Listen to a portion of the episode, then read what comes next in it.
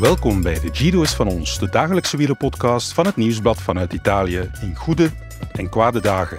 Andiamo!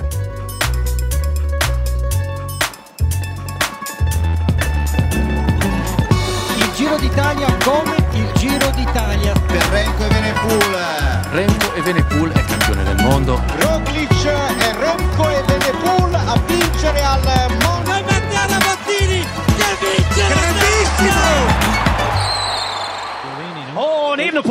Remco Evenepoel is down. The world champions on the ground.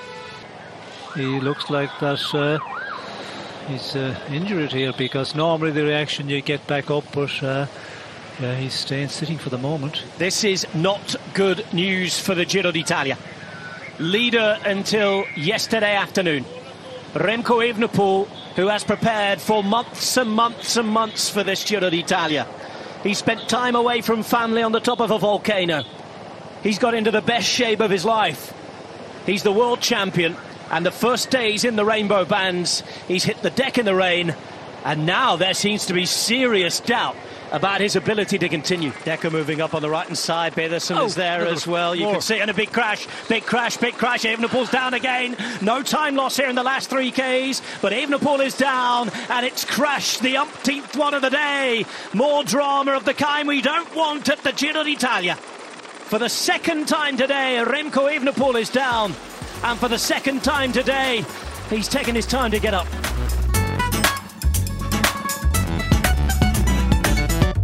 Rittenaar Caden Groves en zijn ploeg Alpes in de Koning zullen er anders over denken, maar wat een verschrikkelijke vijfde dag van de Giro was dit. Remco Evenepoel ging niet één, maar twee keer tegen de grond in een doorregende etappe. Na minder dan 20 kilometer was de boosdoener een loslopende hond die het peloton inliep. Je moet weten, Campania is een regio met veel straathonden en katten. In de Giro van 1997 bracht een zwarte straatkat Marco Pantani ten val in Campania. Zijn Giro was voorbij. Evenepoel bleef even zitten en nam zijn tijd om te bekomen. Maar toen hij weer op de fiets zat, volgde een duimpje omhoog naar de camera. Oef. In een chaotische finale kwam Evenepoel alweer ten val. Dit keer na een botsing met de Luxemburger Alex Kirsch, een van de mannen in het treintje van Trek voor Mets Pedersen. De tweede val had er zwaarder op ingehakt dan de eerste. Logisch als je met 60 km per uur tegen de grond kwakt. Tijd in het klassement kostte de val niet, want de val gebeurde in de laatste drie kilometer. Evenepoel gaf bij de aankomst aan de bus eerst nog een vuistje aan hoofdmechanicien Nicolas Kozemans, maar daarna verdween hij met het gezicht op onweer in de bus. Alex Kirsch kwam langs om zich te verontschuldigen, maar Evenepoel werd op dat moment nog onderzocht door de dokter en kreeg hem niet te zien. En wij journalisten stonden te wachten op nieuws.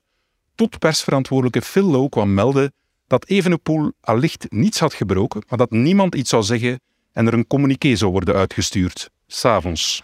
It doesn't look like anything's broken for now, but we're going to check in this evening and then we'll make a statement this evening. But for now, we've nothing else to say. Vervelend voor ons, want zonder quotes is het moeilijk om deze podcast te maken. Gelukkig keerden ze bij Soudal Quickstep hun kar. Ploegleider Klaas Lodewijk kwam kort uitleg geven. Eerst over de eerste val. Daar was er niet veel aan de hand. Eh, ik denk dat het peloton een slingerbeweging maakte naar de, rechts, naar de rechtse kant eh, door die hond die op de baan liep. Ehm, en daar ging hij neer, eh, maar dat was eigenlijk zonder veel erg. En vervolgens over de tweede val. Hij wilde uitsturen ehm, om de sprinters de kans te geven, omdat er altijd wel redelijk wat, wat gebeurt in zo'n laatste kilometers. En net op dat moment uh, raakt hij het wiel van iemand van Astana, kan hij nog net recht blijven, maar dan, eh, van, van Trek, maar dan kan hij net recht blijven. Dan passeert er nog iemand van Trek en die gaat uh, tegen de schouder en dan uh, dat was kwaad geschiet. Lodewijk kon op dat moment nog niet veel zeggen over de schade. Schaafwond heeft hij natuurlijk bij zo'n val, uh, maar meer dan dat kunnen we niet zeggen. we gaan afwachten wat medisch bulletin zal zijn. Ja. Hij is nu een douche aan het nemen en de dokter is naar hem aan het kijken. De Italiaanse ploegleider Davide Bramati stond uitleg te geven aan de Italiaanse tv Rai en plots zwaaide een deur van een auto open en verscheen Louis Vervaken.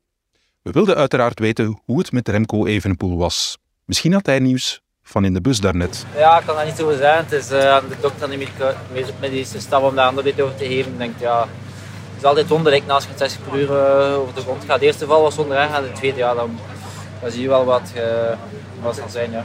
Remco hoorde zijn naam dus, en hij wil nooit een sprinter ambiteren. Dus hij wil eigenlijk weggaan uit het gedrum. Dus daardoor kijkt hij naar rechts, zodat er niemand rechts zit, met hij wil wegsturen. Dan denk ik dan die, die, die Duitsman van rechts hij zijn pas af, uh, noemt hij nu weer? Kiers. Kiers. Kiers is mijn maat dan niet, is hij raak in de pas af. En helaas op dat moment kijkt Ramco juist naar de verkeerde kant. En uh, ja, kijk, dan valt dat. De gladde wegen deden er uiteraard geen goed aan. Ja, het was verschrikkelijk glad, het was ongelooflijk. We blijven de hele dag in de eerste 20 om de gevaren te vermijden, maar kijk, dat kan altijd gebeuren toch.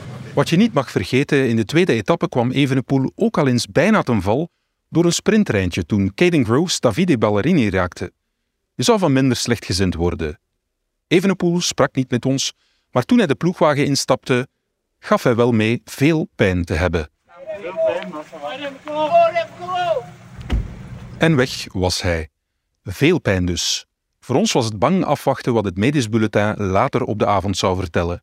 Om kwart voor negen viel er dan een videoboodschap binnen van ploegdokter Toonkruid. Voor alle duidelijkheid, een contusie is een kneuzing en een contractuur is een dwangstand of een soort van kramp. Ik ben bij Remco geweest uh, onmiddellijk na de, na de val en nu terug hier in het hotel. Hij heeft eigenlijk een contusie van zijn rechterzijde, zijn spieren met een contractuur van die spieren en zijn bekken die geblokkeerd zit.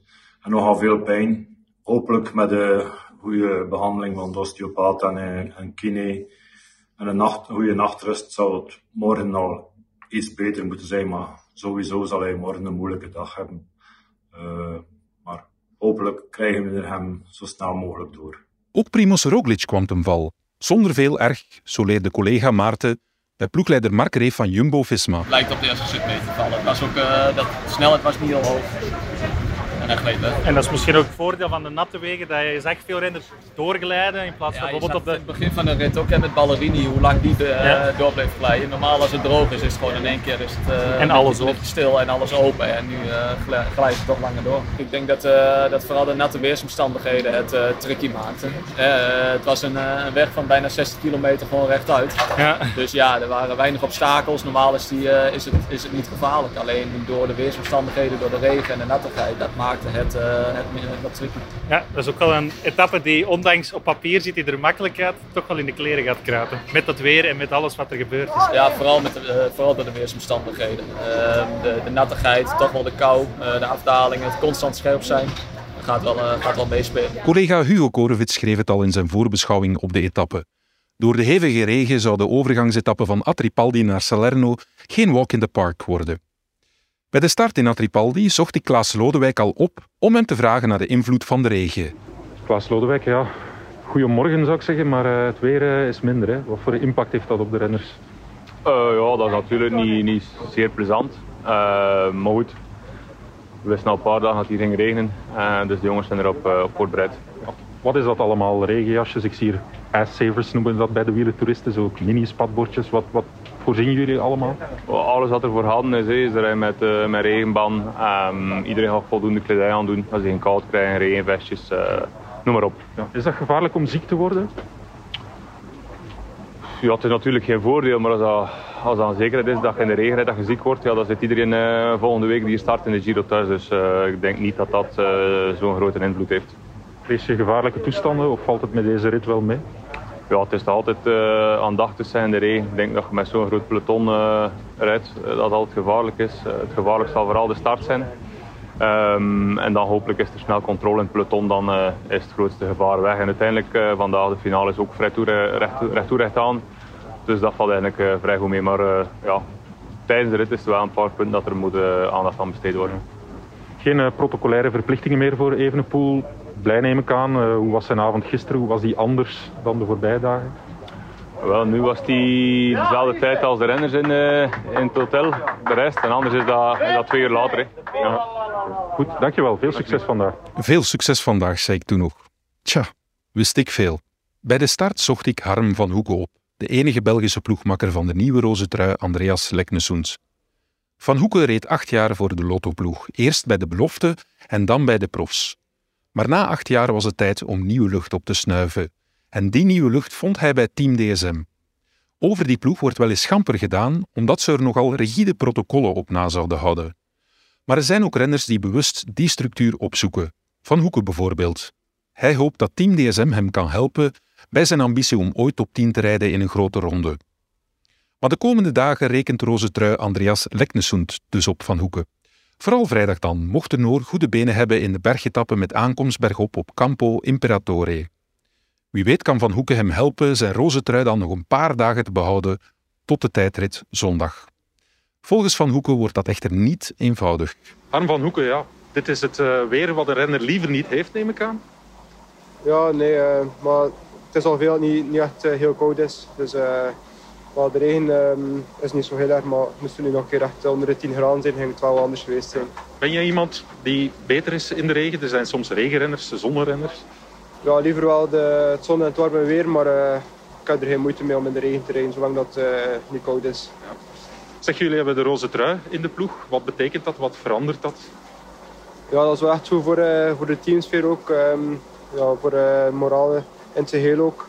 Ik denk dat dat wel iedereen um, een niveautje hoger brengt. Dus uh, ja, dat is echt een unieke ervaring. Ja. Want ik neem aan, jullie gaan die roze trui met hand en tand verdedigen zo lang mogelijk. Misschien tot de tijdrit? Ja, tot de tijdrit zal waarschijnlijk moeilijk zijn. Maar ja, ik denk tot dan um, de eerste berg dan nu komt, Campo Imperatorius. Ja. Ik denk tot dan zo, zo moeten lukken en dan zien we wel uh, hoe dat hij hem voelt op die beklimming. Um, ik zal mijn best doen om hem zo lang mogelijk uh, vooraan te houden daar en dan zien we wel. Betekent dat ja, extra werk voor jou? Wat, wat wordt jouw rol in het verdedigen van de roze trui? Um, ja, ik denk dat ik zo lang mogelijk um, een beetje in de wachtkamer zal moeten zitten en dan, ja, ik zeg het, die eerste berg zo kijken hoe hij hem zelf voelt. Um, maar dan zal ik er ook alles aan doen om, om hem zo, zo goed mogelijk die roze trui te verdedigen. Ik denk dat daar een beetje mijn, mijn werk gaat liggen, vooral um, in zijn bergen dan. Is een Noor, uh, ja, voor ons een beetje stille jongen, enfin niet stil, maar moeilijk te doorgronden, laten we zo zeggen. Wie is hij als ploegmakker? Ja, een, een hele rustige jongen. Ik heb daar um, drie weken mee op poststage gezeten ook. Want het is echt een, een toffe kerel en het is iemand dat ik echt gun. Uh, je verdient het echt. Uh, je doet er veel voor en ja, als je ziet um, hoe dat hij gisteren reed, is het echt wel iemand die het verdient. Iets wat jij weet, dat wij niet weten van die drie weken hoogtestage over hem. we weten dat hij van boven de poolcirkel komt, in de sneeuw rijdt soms, maar dingen, speciale gewoontes of zaken die uniek zijn aan hem.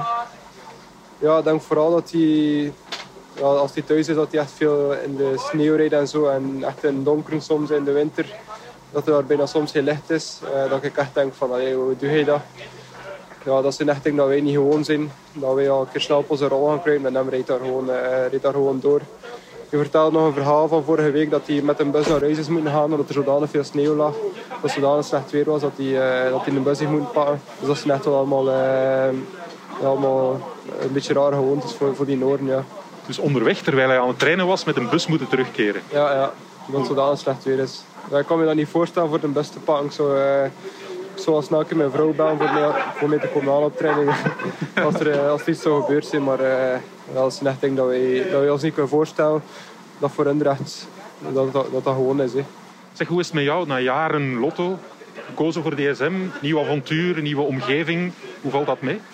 Ja, eigenlijk wel goed. Um, het is even zoeken geweest om mijn plaats wat te vinden. Maar ik voel me nu wel goed ze hebben altijd wel een plan voor echt goed, goed naar de koersen te, te groeien. En nu voel ik me wel echt goed.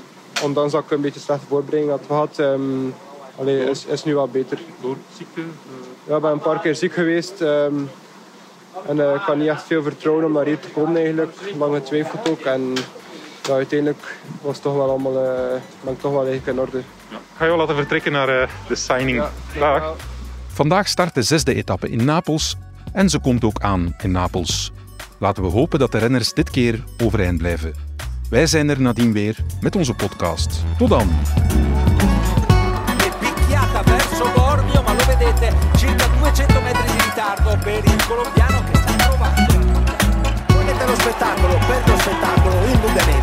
ne ha confezionata una eccezionale per la vittoria di tappa